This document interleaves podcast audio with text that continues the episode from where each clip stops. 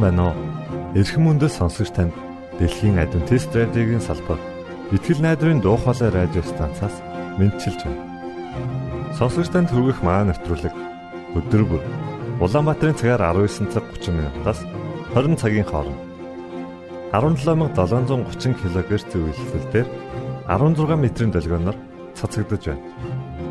Энэхүү нэвтрүүлгээр танд энэ дэлхий дээр хэрхэн аз жаргалтай амьдрах талаар зарчим болон мэдлэгийг танилцуулахдаа бид таатай байх болноо. Таныг амарч байх үед аль эсвэл ажиллаа хийж байх зур би тантай хамт байх болноо.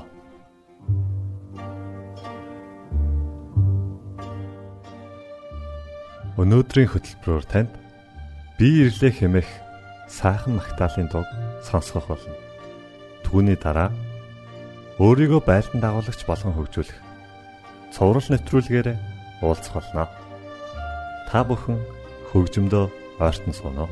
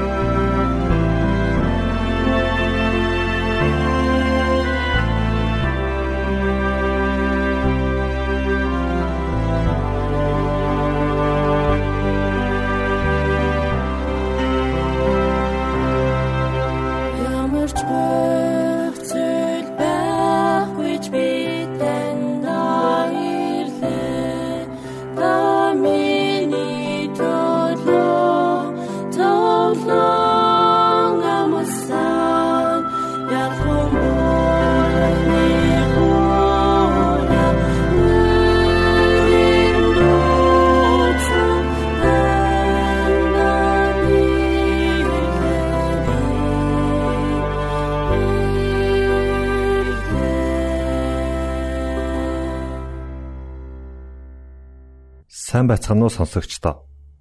Өөрийгөө байлдан дагуулагч болгон хөгжүүлэх цуврал нэвтрүүлэг маань үргэлжилж байна. Энэ удаагийн дэд гарчиг харилцаанд бэлтгэх зарчим гэсэн сэдвийн дор явж байгаа. Энэ дотроо 5 зарчимтай гэж бид өмнө нь нас дурдсан байгаа. Тэгэхээр энэ удаагийн зарчим бол толин зарчим. Буюу миний шалгах ёстой хамгийн ихний хүн бол би өөрөө. Танд бустай хамт байхад үргэлж асуудал гардаг. Магадгүй тэрхүү асуудал нь таач байж болно гэдгийг ойлгуулах болно. Өөрөөсөө асуух асуулт маань би хэн бэ гэдэгт хариуцлага үүрэхийн тулд өөрийгөө шалгах хэрэгтэй юу гэсэн асуултаа. Зарим хүн өөрийнхөө хамгийн муу дайсан болдог талаар та сонсож байсан уу? Яагад гэвэл үргэлжил амжилт өөд хүсэн тэмүүлэхдээ бүх зүйлийг огоорон үхэн хатан зүтгэдэг. Өөрийгөө дэндүү завгүй байлгаж ажлын төлөө юу ч өхөөс буцахгүй шаргуу хөдөлмөрлөдөг. Үнэхээр шагшин магтахаас аргагүй агуу чадвартай энэ хүн нэг л өдөр тесэрч хийн гардаг. Мэдээж бүх хүн ийм байдалд ордгүй л дээ. Харин цааш үргэлжлүүлэн явж чадахгүй болсноо мэдэрсэн хүнд дээрх асуудал тулгардаг. Учир нь асар том зоригтой тэмүүлдэгч аажмаар бустай харилцах харилцаа болон урагшлах эрч хүчээ алцаар байдаг гэдгээ мэдтгүй юм. Эдгээр хүмүүсийн нэг бол Петер Роуз юм. Бейсболын алдар нартай цөөхөн хідэн тамирчдын нэг бол яхарахгүй Петер Роуз лээ.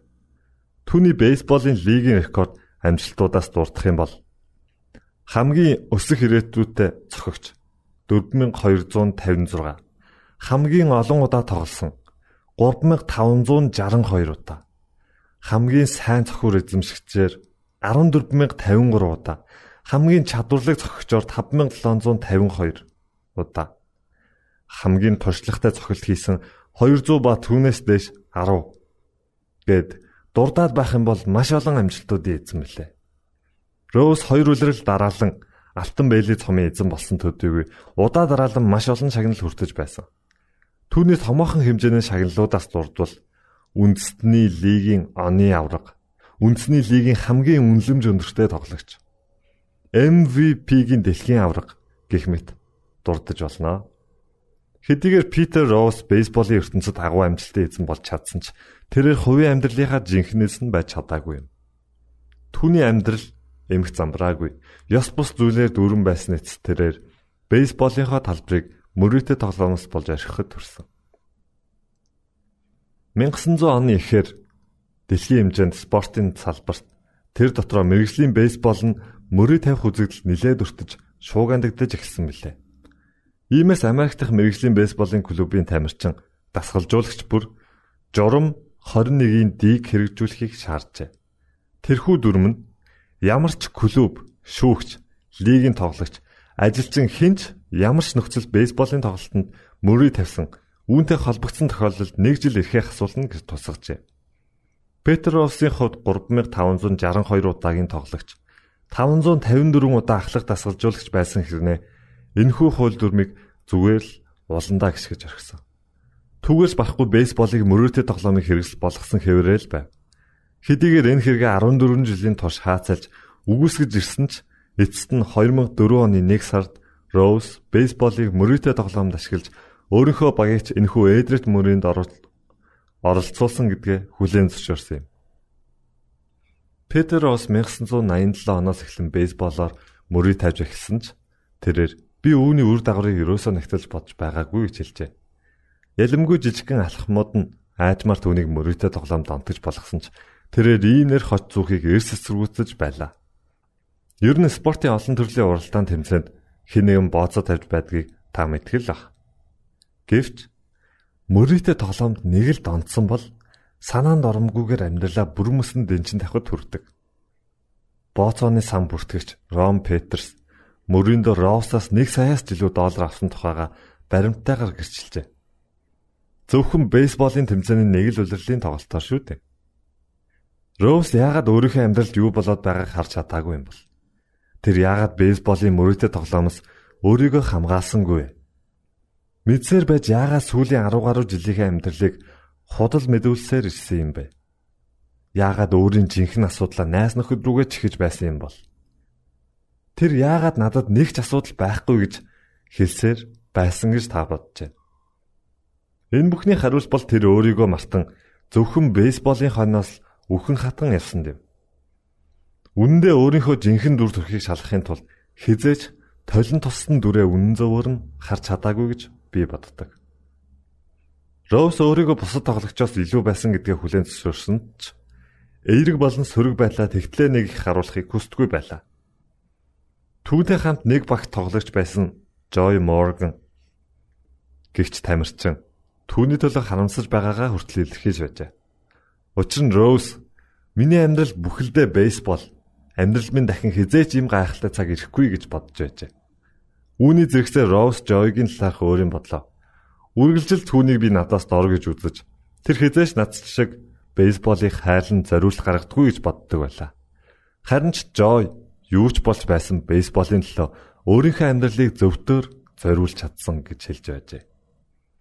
Тимээс Росс өөрийгөө шалхахаас татгалзахдаа ажил амжилтаа нураагаагүй боловч хувийн харилцаа болон түүнийхээ үн цэнийг хэдийнэ олондаа гიშгсэн юм. Ингээд олон хавар нэгэндээ гихчээр нэг л өдөр түүний үнэн төрх илэрсэн. Росс үүнийхээ талаар цохон тэмдэглэхтэй. Одоо эргээд харахад би өөрийнхөө амьдралын талаар эргцүүлэн бодож байх минь ч явдаа.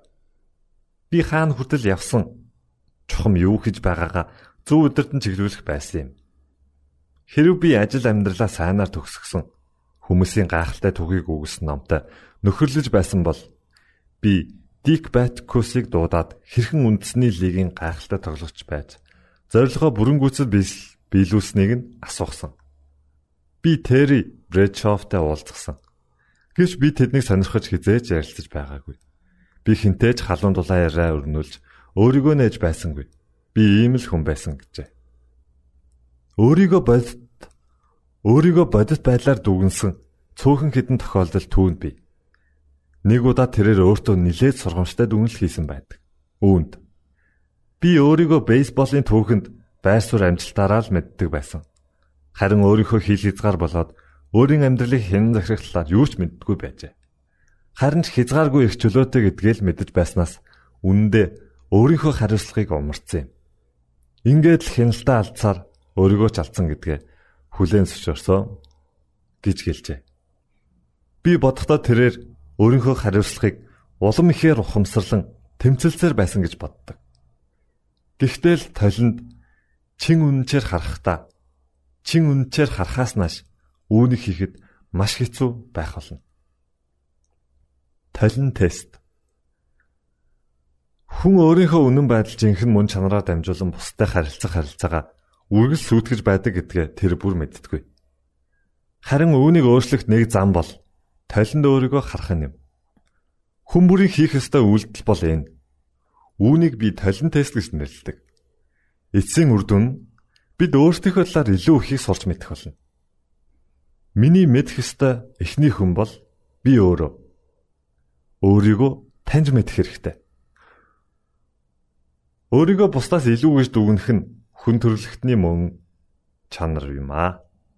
Бейсболын алдар тамирчин Петер Роуз өөрт байгаа авьяасаараа л өөрийгөө дүгнж байснаас биш өөрийн жинхэнэ дүр төрхийг харж чадаагүй билээ.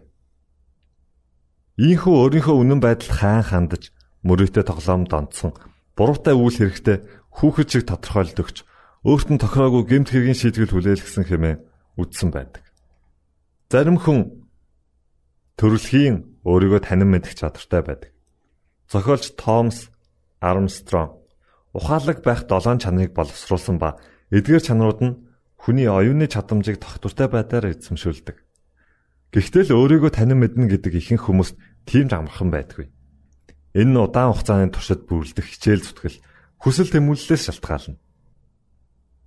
Надтай хамт алхах ёстой эхний хүн бол бас л би өөрөө. Өөрийгөө үнэлж сурах хэрэгтэй. Урагш дахин нэг ахихад чинь туслах алхам. Зохиолч Сиднэ Харрис та өөртөө сэтгэл хангалуун биш бол хизээч бусдад сэтгэл хангалуун хандаж чадахгүй гэжээ. Тийм ээ. Хэрв та өөртөө итгэлгүй байвал харилцаагаа буснуулж үгүй хийх болно. Хэдэн жилийн турш би удирдлагын 21 хуулиас сэдвлэн лидийн хуулийн тухай ойлголтыг хүмүүст заасан. Энэхүү хууль нь удирдагч удирдлагын ямар төвшөнд хэр зэрэг нөлөөтэйгээр бусдыг удирдах байгаа нөлөөллийн төвшинг тодорхойлдог. Бусдад хэр зэрэг нөлөөлж байгаагаар нь удирдагчийн удирдагчийн чадрын төвшин илэрхий болдог. Тодруулбал хичнээн шаргуу хөдөлмөрлөхөөс үл шалтгаалan өөрийнхөө хүрээнс гарч чадахгүй л бол ядмагхан удирдагч гэсэн үг. Ийм сул дорой чанартай удирдагчийн эрх мэдэл дор маш олон компани, байгууллага, хэлтэл, хэлтэс баг байсаар л байна. Үүнчлэн өөрийгөө үнэлэх үнэлэмж нь бусдад харилцах харилцаанд маш чухал нөлөө үзүүлдэг. Энэ бол харилцааны лид юм. Таны үнэн байдал бол жинхэнэ мөн чанар. Таны үнэн байдал бол жинхэнэ мөн чанарт нь бусдад эрүүл харилцаа бий болгох чадварын хязгаарыг илэрхийлдэг. Сөрөг үнэлэмжтэй хүн амжилттай харилцааг үргэлж алддаг. Өөрийгөө үнэлэх үнэлэмж нь ядмаххан хүн бол амжилтанд хүрнэ гэж санаад чирэггүй. Яагаад гэвэл өөрийгөө дутуу үнснээр итгэж найдаж байсан. Хүлээлттэй талын нэг цацхад хүрдэг.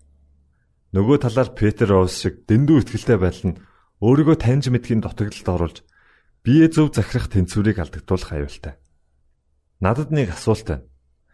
Та огт танихгүй Эсвэл дургүй хүнийхээ сайн найз нь болж чадах уу? Нью-Йорк Таймс сонины урдаа барьдаг зохиолч сэтгэл судлаач Фил Макгрейв эхлээд би өөрийнхөө хамгийн сайн найз нь болох хэрэгтэй. Тийм ээ. Хамгийн чухал харилцаа бол би өөртөөгөө харилцах юм. Энэ бол миний жанжин шугам хэмээн хэлжээ. Яагад гэвэл хамгийн түрүүнд та өөрийгөө хайж болох ёстой. Тэгвэл дараа нь та бустай хамтран ажиллаж бусдын хүндэтгэлийг хүлээх үз байж чадна. Надад асуудал авчирдаг хамгийн ихний хүн бол мөн л би өөрөө. Хэрхэн өөртөөгөө шудраг хандах вэ? Намайг аварч чадах алхам бол толинд харах. Хизээд бэлэн байдал. Намайг аварч чадах алхам бол толинд харахад хизээд бэлэн байдал бөгөөд тэр л үед би өөрийнхөө дутагдал алдаа зөрчил асуудлуудаа шудар тодор харах болно. Инэдмийн жүжигчин Жак Пар эргээд харахад миний амьдрал бартаар замын уралдаан шиг л байна. Тэгэхээр саа дотор намайг өдөржээ хэмээн хошигнсон байдаг. Тэрээр тоглоом шоглоомор хэлсэн боловч үнэндээ бид бүгдийн амьдрал түүний хэлсэнтэй адилхан байдаг. Зөвхөн Питер Роуз асуудалтай нүүр тулчхаад барьц алдаж байсан биш. Би ч бас асуудал дундуур явж байна. Таач мөн адил асуудал дундуур явж байгаа үсттэй. Хэрв асуудал маань хамгийн их хариуцлагатай хүнийг бид өвшгөлн зайлуулбал хэдэн хоног сараар тайван сууж чадахгүй болно. Хэдэн жилийн өмнө коллеж төгсөөд удаагүй байхдаа хамсурч байсан нэг найстайгаа өдрийн хоол идэхээр болсон юм. Миний нэгэн адил тэрээр жижигхэн чуулганд пастын анхны үйлчлэлээ эхлүүлсэн байв. Хоол идэнгээ бид ярилцаж байх зур тэр чуулганыхаа хүмүүсийн ийм тийм талаар яриад илгэж эхэллээ. Чуулганых нь өдөрдох зөвлөлийн гişүүд ийм тийм. Бүлгийн сургалтууд нь ч ийм тийм. Түүний халамж зөвлөгөөн ч ийм тийм гэд бөөн асуудал байгаа гэдгээ хэллээ. Тэгээд тав дахь ийм тийм гэх үед нь би нилээд өгдөвчлээ. Тэгээ хүмүүстэй дургүй бас тэдний хүндлэхгүй бол яаж өдөрдөх вэ гэж бодоод Фрейд яагаад танаа чуулганд ингэж ийм тийм байгааг чи мэдхийг хүсэж байна уу гэж асуулаа. Тэр идэж байснаа гинт болж Тийм ээ. Би мэдмээр байна гэж ихэд олцоорхов. Харин би түнд яагаад гэвэл хамгийн том ийм тийм бол үнэндээ чи өөрөө гэж найзыгаа хүн цогцолтонд ортол хэлж орхив. Магадгүй тэр миний хувьд хамгийн сайн харилцаа биш байсан байх л та. Яагаад гэвэл Фрейд миний тайлбарыг цааш үргэлжлүүлэн сонсохыг хүсээгүй. Гэвч хөндлөнгөөс харсан хэн боловч гол асуудал Фрейдэд байсан гэдгийг маш тодорхой хэлж чадах байсан. Тэгэд нэг их удалгүй Фред чуулганыхаа үйлчлэлийг өгөөд дараагийн чуулгандаа үйлчлэхээр явсан. Шинэ чуулганы хувьд мөн ялгаагүй ийм тийм асуудалтай болсон. Ральф Стер CEO Джонс Вилфүцэн эзэн би өөрийнхөө ухар мөчөд байгаагаа ухаарсан. Ихэнх нөхцөлд гол асуудал бол би өөрөө миний бодол санаа, миний харж байсан зүйлс, миний найдлага намайг амжилтад хүрэхэд хамгийн том саад болсон хэмээн өөрийнхөө алдааг хүлээн зөвшөөрсөн юм. Хэрвээ та хамгийн том дайсан болох өөрөөсөө өөрийгөө хамгаалахыг хүсэж байгаа бол өөртөө шудраг хандаж бодис байдлаа хүлээн зөвшөөрөх нь чухал. Өөрчлөл эхлэх ёстой хамгийн ихний хүн бол би өөрөө. Өөрийгөө босгон байгуул. Олны өмнө хичээл заах, лекц унших, Ном бичих зэрэг тулгардаг нэг аюул бол хүмүүс таныг жинхэнэ мастер зааж байгаа зүйлдээ гаргуул шилжигнэ гэж боддог. Үүнд нэг баясаад байх хэрэг байхгүй. Миний хувьд удирдлагынхаа ур чадвар харилцаан дээр үргэлжлүүлэн ажилласаар л явна. Энэ номдоо оруулсан зарчмуудаа хүртэл би тийм сан хэрэгжүүлээгүй л. Би одоо ч өөрийгөө чадваржуулахын тулд үргэлжлүүлэн хөгжүүлсээр л. Миний хувьд үргэлж дагдаг нэг үнэн бол би одоо хангалттай өслөө боллоо гэж бодох үедээ л жинхэнэ асуудалтай тулгарх тулгарх болно гэдгээ мэддэг юм. Вестминстер Абейгийн бунханд 11-р зууны үед амьдарч байсан нэгэн Англикан сүмийн номлогчин болж байдаг бөгөөд үүн дээр ингэж бичжээ. Би баг залуу байхдаа хязгааргүй агуу хөсөл мөрөөдлөөр дүүрэн байсан. Ингэх ингэхдээ би дэлхийг өөрчлөх чин хүсэлтэй байлаа. Харин цаг хугацаа өнгөрч амьдрал үзэх тусам дэлхийг өөрчилж чадахгүй нь гэдгээ ойлгохдоо ядаж улс орноо өөрчлөх хэрэгтэй гэж шийдсэн. Гэвч насман хэлбиж хүчмэн дороодох бүрт орлого маань бүтлгүүтэж бүр байг гэхэд гэр бүл ойр дотныхоо хүмүүсийг өөрчлөхөөр шулуудлаа. Гэтэл тэднээс ч мөн өөрчлөлтийнхөө бүртих сүдрийг харсангүй. Эцэст нь хадан гэрмэн ойртон хувь зайтайгаа эвлэрэн хэвтэж байхдаа би гэнт. Хэрвээ эхлээд би өөрийгөө өөрчилсөн бол миний амьдралыг хараад гэр их минь өөрчлөгдөх байж. Тэдний урам зориг үр нөлөөтэй амьдралаас нь болж миний улс орон илүү сайхан болох байж. Тэгээс үлд нь би дэлхийгээ өөрчлөхийг харах байжээ гэдгээ ухаарсан юм. Яг л биеэс гэрэц гэрэц төрөөц гэдэг үгтэй ижил. Хүн харилцаан дээрээ бэрхшээл амсахаараа үргэлжил хин нэгний буруутхан тэднээс хамаг юм боллоо гэдэг. Үндэ жинхэнэ асуудал өөрөө гэдгийг мэдтгүй.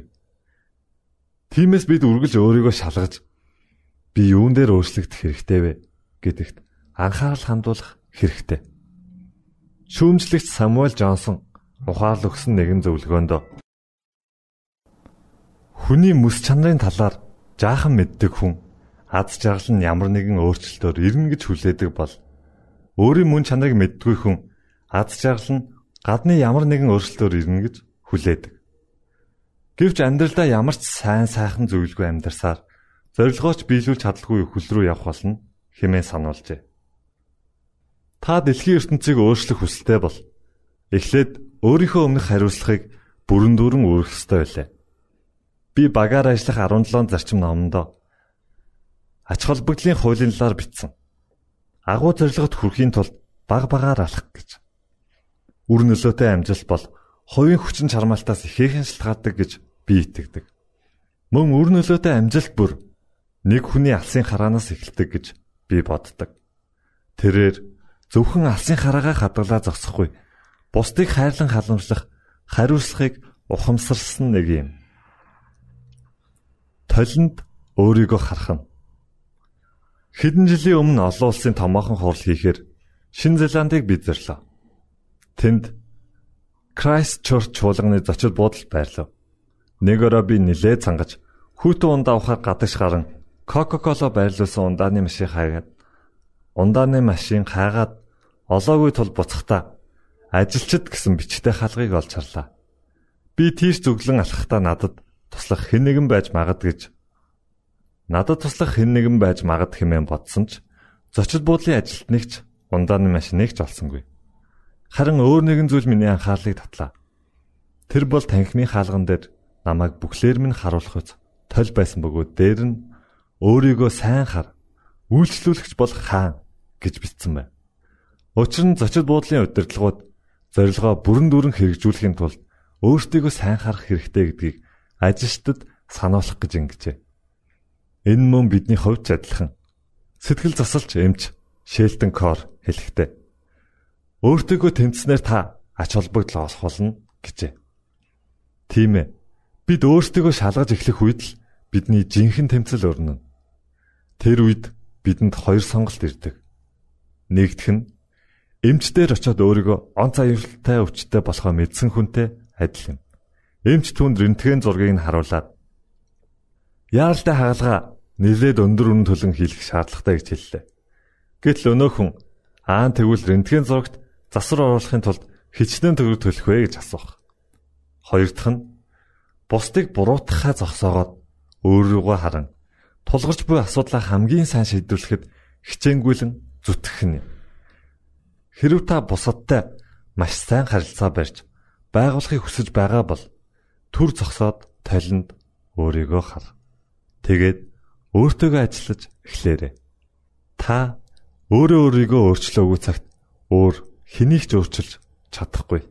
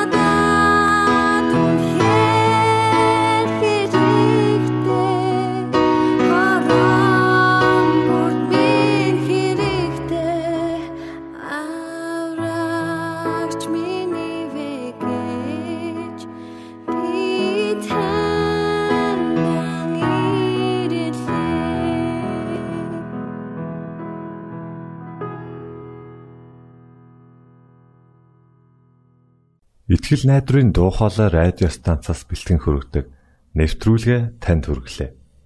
Хэрв та энэ өдрийн нэвтрүүлгийг сонсож амжаагүй аль эсвэл дахин сонсохыг хүсвэл бидэнтэй дараах хаягаар холбогдорой.